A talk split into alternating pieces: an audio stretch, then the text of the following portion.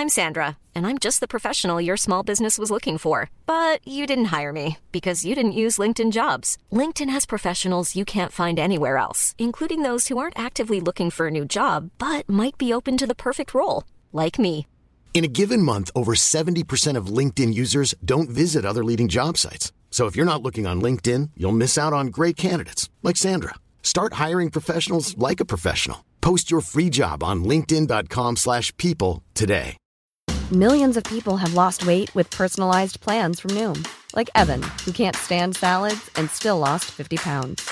Salads, generally, for most people, are the easy button, right?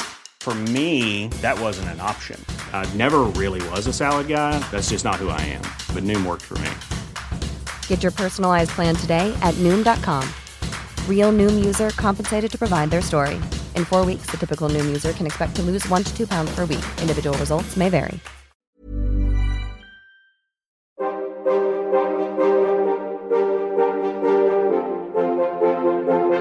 Is fascinerend. Een enorme puzzel waarvan we stukjes hebben. En heel veel stukjes ook niet. Al op de basisschool trokken de verhalen over het oude Egypte, de Romeinen, Griekse mythen, het oude China en het onderzoek naar al die oude culturen en mensen me als een magneet naar zich toe. En ik wil meer. Graag neem ik, Timo Epping, je in deze podcastserie mee op reis naar het verre verleden. Ik ga in gesprek met wetenschappers die ons in iedere aflevering een uurtje meenemen in hun eigen onderzoek. Hun eigen zoektocht naar de oudheid. Het is tijd voor de oudheid.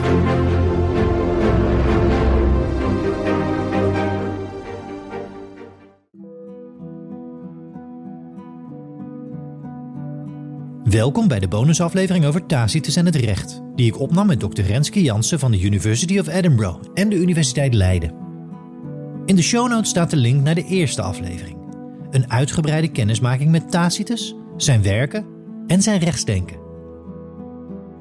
In deze bonusaflevering zal Renske ons meenemen in een zaak, een casus, die door Tacitus besproken wordt in zijn werk. Ofwel, om het even naar een heel populair podcastgenre te trekken, dit is True Crime Tacitus. De casus waar ik het heel graag over wil hebben is een passage uit het veertiende boek van Tacitus Annalen. Ehm, voor degene die willen meelezen, het is Annalen uh, boek 14, paragraaf 42 tot en met 45.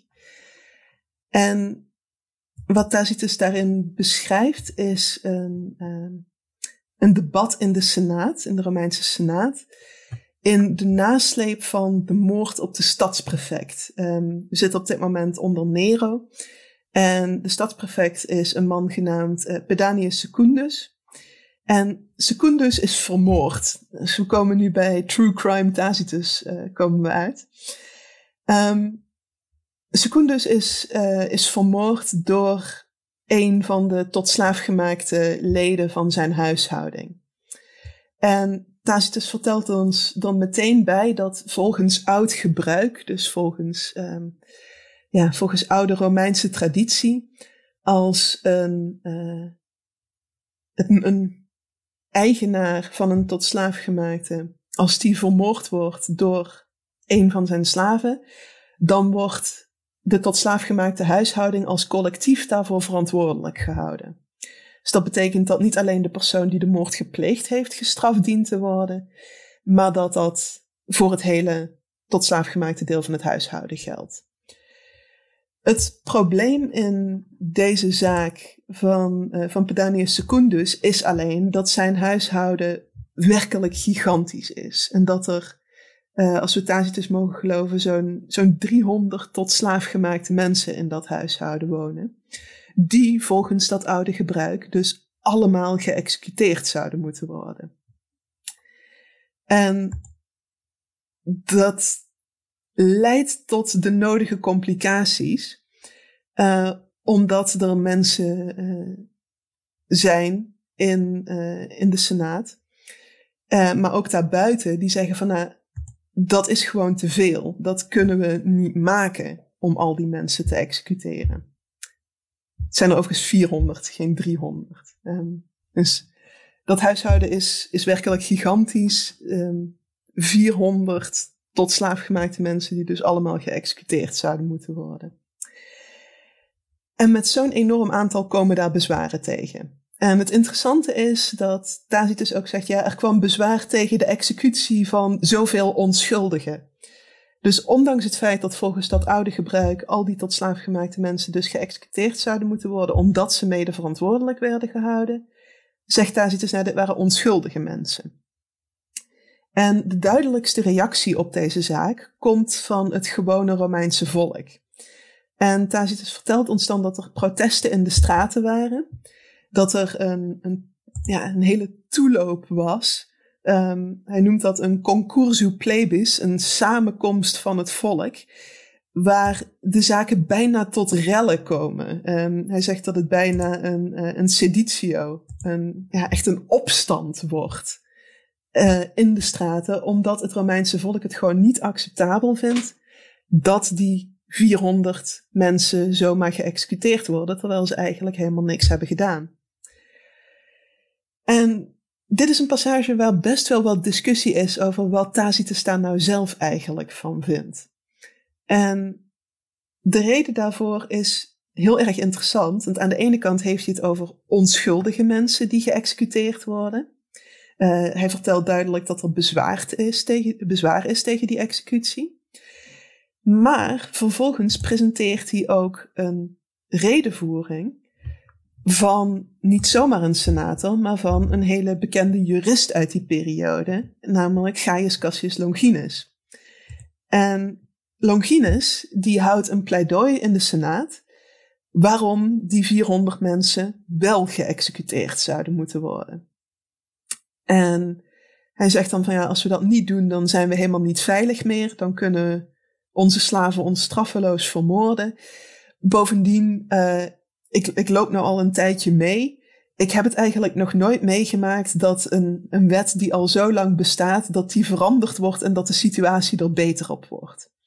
Dus wat Longinus eigenlijk doet in die context is heel strak vasthouden aan de letter van de wet. Nee, dit zijn nou eenmaal de regels. Uh, dat hebben we met elkaar afgesproken. Dat is een oud gebruik, het is een oude wet. Dus jammer dan, executeer die 400 mensen. En Tacitus presenteert daar verder geen alternatieve redenvoering op. Het gebeurt nog wel eens in antieke werken dat je verschillende meningen van verschillende kanten van het argument krijgt en dat die allebei een redenvoering mogen houden. Tacitus doet dat in dit geval niet. Het, het laatste woord is eigenlijk een beetje aan Longinus. Um, en dat is ook nog eens gecombineerd met het feit dat hij het, het Romeinse volk, dat zich dus nog steeds buiten de Senaat ophoudt, eigenlijk vooral in, in emotionele en gewelddadige termen omschrijft. En er zijn mensen die dat hebben gelezen als, nou ja, Tacitus vindt dat die executie moet plaatsvinden. Hij geeft alleen de argumenten van de jurist die voor de executie pleit. Hij doet het volk een beetje af als een gewelddadige meute. Hoe kunnen we dat anders lezen dan Tacitus is voor de executie? Van die 400 tot slaafgemaakte. Tegenargument dat daarop is gekomen is van ja, maar dat argument van die jurist in de Senaat, heel sluitend is dat niet. Er zitten best wel wat gaten in zijn argumentatie. En nou ja, hij zegt dan wel heel stellig van, uh, er is nog nooit een wet beter geworden door hem aan te passen. Vroeger was, uh, vroeger was alles beter als het ware. Maar dat is in tegenspraak met wat Tacitus elders in zijn werk zet. In een, een andere juridische passage zegt Tacitus van ja, we moeten ook niet doen alsof vroeger alles perfect was. En uh, vroeger waren er ook problemen. Dus dat, dat idee, uh, dat die argumentatie uit ouderdom, dat lijkt iets te zijn waar Tacitus het verder helemaal niet zo mee eens is.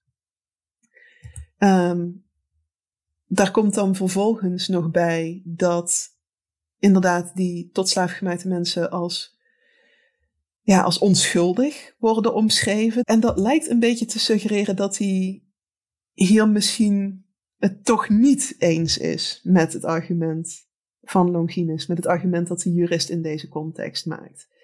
Hij schildert, uh, de jurist in kwestie komt vaker voor in zijn werk en die wordt vaak als een beetje een in het Engels zouden we zeggen een stickler, iemand die, die graag ferm aan de regels vasthoudt, wordt die afgeschilderd. De vraag is of dat iets is wat Tacitus het zelf mee eens is. Wat ik persoonlijk heel interessant vind aan deze passage is dat je eigenlijk gepresenteerd wordt met een, een reden, geconfronteerd wordt met een redenvoering die uiterst beleefd is, heel wel bespraakt. Er zit geen onvertogen woord bij. Het is allemaal, om een beetje een beladen term te gebruiken, allemaal heel politiek correct wat er gezegd wordt. Het is allemaal heel netjes. Maar ondertussen wordt er gepleit voor geweld op een ongelofelijke schaal. Er wordt gepleit voor de executie van 400 mensen. Tegelijk heb je buiten de menigte, die aan het schreeuwen is, die tot op het punt van rellen zit, die omschreven wordt als gewelddadig, maar die ondertussen aan het pleiten is voor genade en voor mededogen. En voor een flexibele omgang met de regels, zodat die 400 mensen niet hoeven te sterven. En ik ben nog niet helemaal klaar met, met deze passage. Ik ben er nog niet helemaal uit. Maar ik kan me niet aan de indruk onttrekken dat Tacitus hier, hier bewust mee aan het spelen is. Met het contrast tussen, tussen geweld en genade. En ja, verschillende vormen daarvan. Dus het is een waanzinnig interessante passage. Niet alleen voor het, het perspectief op slavernij in de Romeinse wereld. Uh, waar, het, waar het een heel interessante passage voor is. Maar ook vanwege, ja, hoe, hoe denkt Tacitus daar nou over? Wat vindt hij nog, wat vindt hij nog gerechtvaardigd? En is, is er in deze passage voor zijn gevoel zijn recht en rechtvaardigheid in dat opzicht met elkaar in overeenstemming? Dus als je het hebt over, uh, over interessante passages om in het onderwijs te bespreken, dan zou dit denk ik een fascinerende kwestie zijn om zo'n gesprek over te voeren. Absoluut, absoluut. Heel treffend en heel, uh, heel veel stof tot nadenken in ieder geval. En tegelijkertijd een vraag die nu nog open ligt. En ik heb de passage zelf niet gelezen, maar hoe loopt het af? Het komt tot een, uh, een stemming in de Senaat. En um, Longinus, de, de jurist, die, um, die krijgt uiteindelijk wel gelijk, die wint de stemming.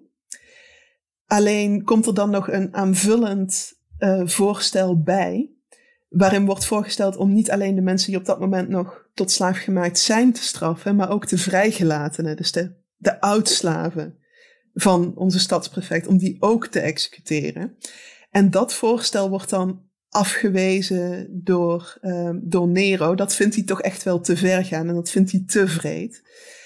Maar wat Tacitus ons dan vervolgens ook weer vertelt, is dat er um, ook nadat de stemming heeft plaatsgevonden, alsnog wel bezwaren worden geuit um, binnen de Senaat. Dat mensen zeggen van, nou, er zijn gewoon te veel mensen. Ze zijn van alle leeftijden. Uh, jong en oud zou dan geëxecuteerd worden. Mannen en vrouwen zouden geëxecuteerd worden. Dus dat bezwaar blijft hangen. Ook nadat de stemming heeft plaatsgevonden. En het volk komt hier ook weer om de hoek kijken. En die komt aan, dat komt aanzetten met stenen en fakkels. En probeert actief te voorkomen dat deze mensen worden geëxecuteerd. Tot op het punt dat de keizer echt, uh, echt troepen inzet om de boel in bedwang te houden. Dus dat, lijkt, dat dreigt enorm uit de, uit de hand te gaan lopen. En uiteindelijk worden er dus, uh, worden er dus troepen ingezet, zodat de executie wel kan plaatsvinden. Dus het lijkt uiteindelijk wel te gebeuren, maar niet zonder slag of stoot. Um, en de keizer vaardigt dan vervolgens ook nog een proclamatie uit waarin hij het volk toch wel terecht wijst, omdat ze zoveel chaos hebben veroorzaakt. Dus dat, uh, dat is het tragische eindpunt van dit verhaal. Uh, waarbij Tacitus dan dus wel even terloop zegt van ja, de, de vrijgelatenen worden dan niet geaccepteerd, want dat werd dan toch wel te vreed gevonden. Dus het is een, uh, ja, een heel tragische episode. I'm Sandra, and I'm just the professional your small business was looking for. But you didn't hire me because you didn't use LinkedIn jobs. LinkedIn has professionals you can't find anywhere else, including those who aren't actively looking for a new job, but might be open to the perfect role, like me. In a given month, over 70% of LinkedIn users don't visit other leading job sites. So if you're not looking on LinkedIn, you'll miss out on great candidates like Sandra. Start hiring professionals like a professional. Post your free job on linkedin.com/people today. Millions of people have lost weight with personalized plans from Noom, like Evan, who can't stand salads and still lost 50 pounds. Salads generally for most people are the easy button, right? For me, that wasn't an option. I never really was a salad guy. That's just not who I am. But Noom worked for me. Get your personalized plan today at Noom.com. Real Noom user compensated to provide their story. In four weeks, the typical Noom user can expect to lose one to two pounds per week. Individual results may vary.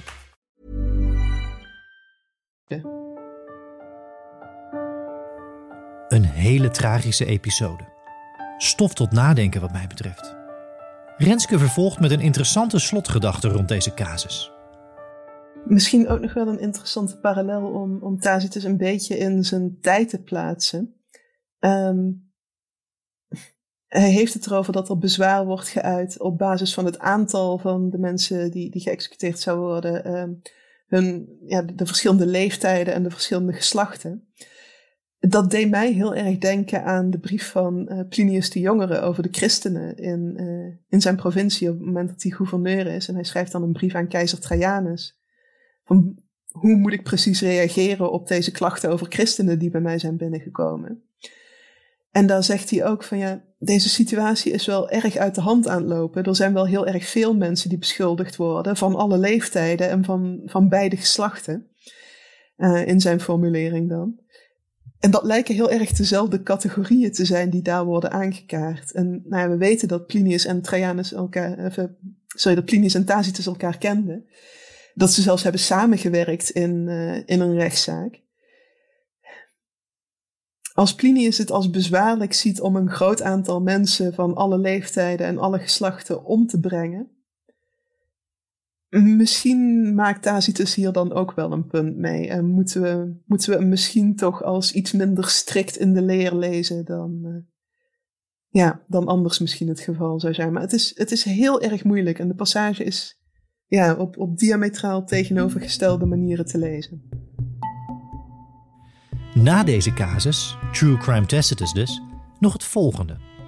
Renske zou er graag voor willen pleiten om binnen het voortgezet onderwijs leerlingen meer teksten en niet eens per se Tacitus, maar meer teksten te laten lezen en vertalen die te maken hebben met recht, rechtsdenken of in meer algemene zin juridische zaken.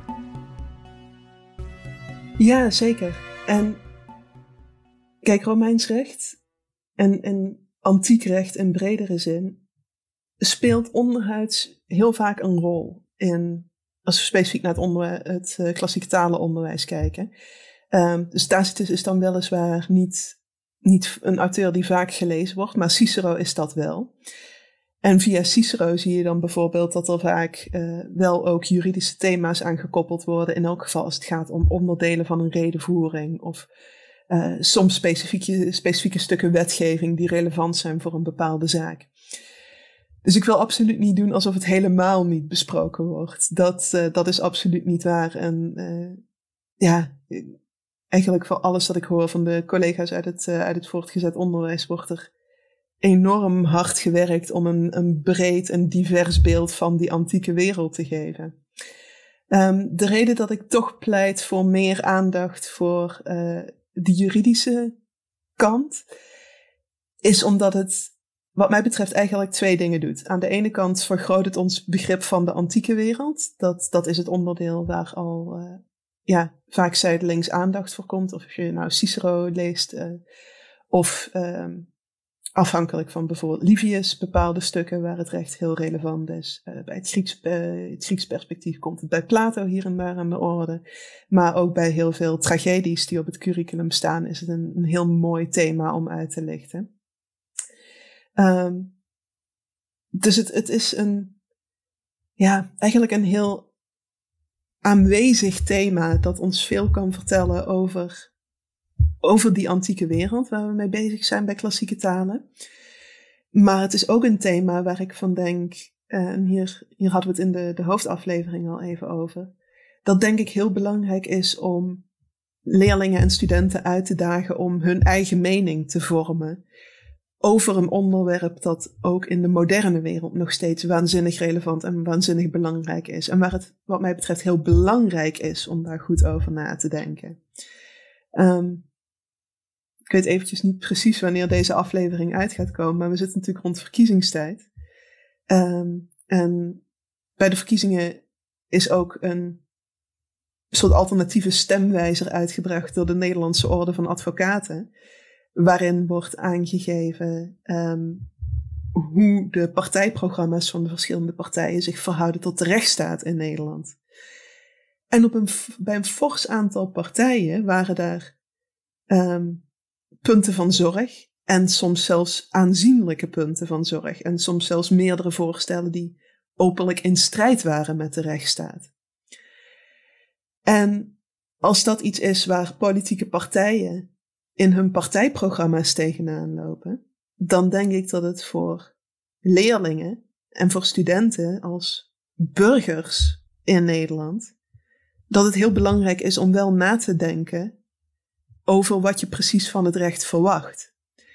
Voor wie het er is, hoe het uitgevoerd moet worden, waar het vandaan komt, wat het geacht wordt te doen. En dat, dat zijn heel fundamentele vragen, waar het heel erg kan, ja, kan lonen om met een zekere afstand te kijken. Dus als je bijvoorbeeld naar, um, bijvoorbeeld naar Griekse tragedie kijkt, naar een stuk als Antigone, waar de vraag is van wat, wat gaat er eigenlijk voor? De wet die koning Creon maakt, of wat Antigone de, de universele wet van de goden noemt. Wat gaat er voor? Wat heeft er prioriteit? Wat is er belangrijk? En ik denk dat, um, dat antieke teksten, echt niet alleen Tacitus, maar een heleboel antieke teksten, als een enorm goede gesprekstarter kunnen fungeren in het voortgezet onderwijs. Um, ook vaak omdat het zaken zijn die niet onmiddellijk beladen zijn door politieke context of waar mensen toch al een mening over hebben. Maar waar je die tegelijk wel kunt gebruiken om heel fundamentele vragen te stellen. Over wat leerlingen eigenlijk van het recht verwachten. is misschien een van de eerste keren dat ze gevraagd wordt om daar actief over na te denken. Um, maar ook om stil te staan van wat wij tegenwoordig als samenleving van het recht verwachten door dat contrast met die antieke wereld, waar die verwachtingen soms heel anders zijn.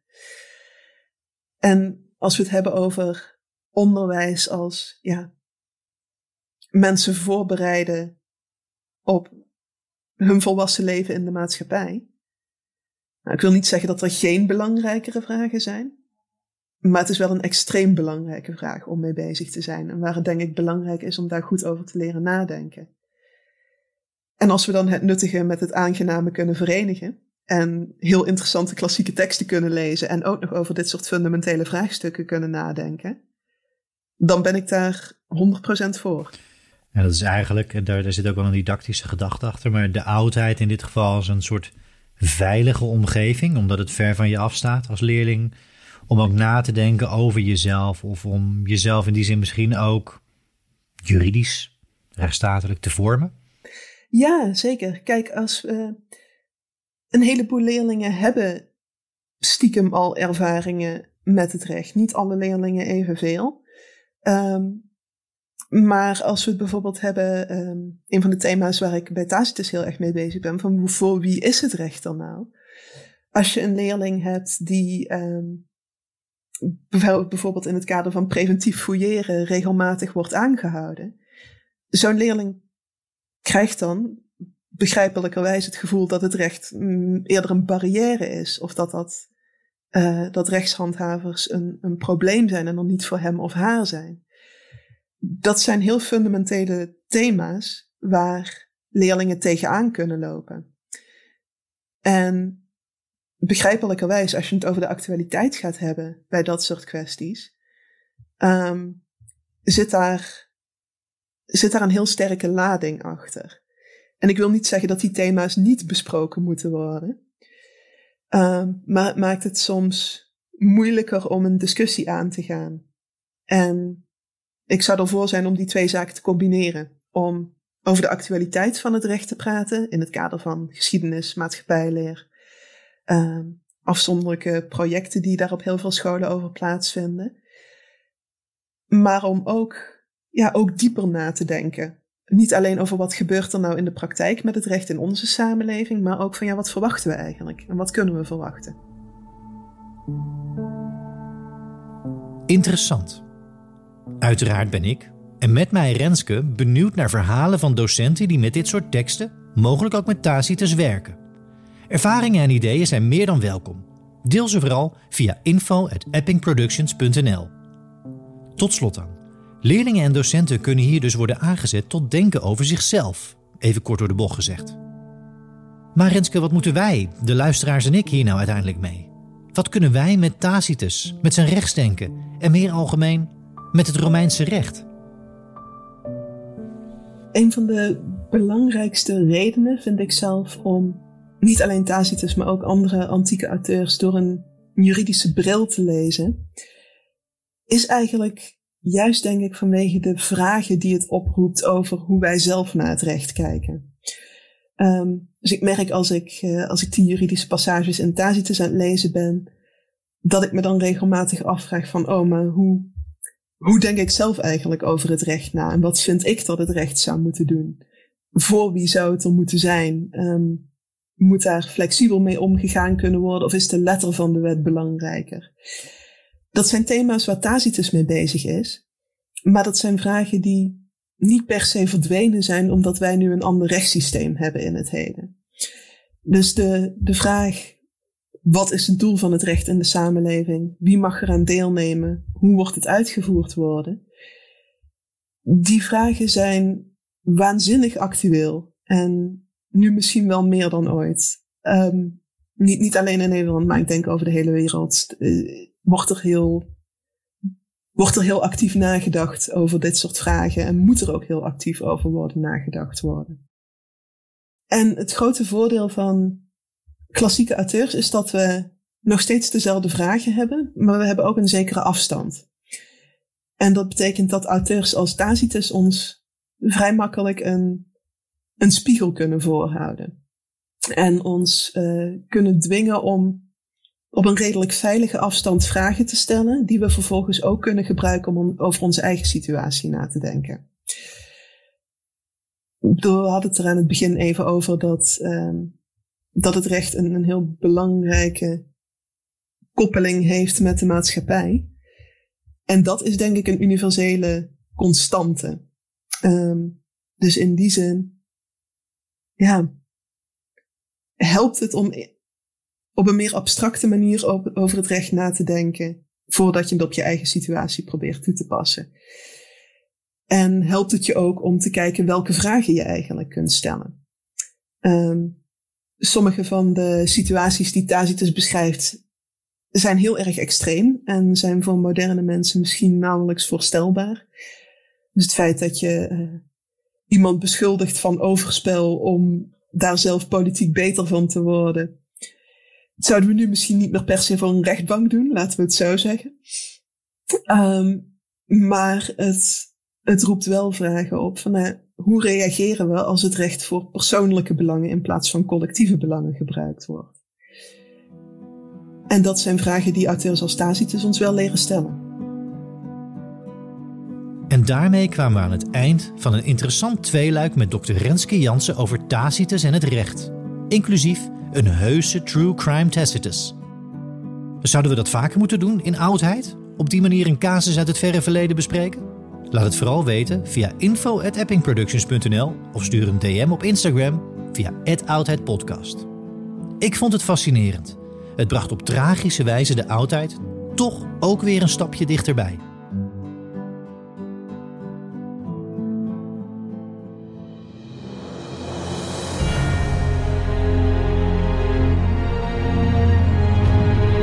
Dank je voor het luisteren naar De Oudheid, de podcast over het verre verleden.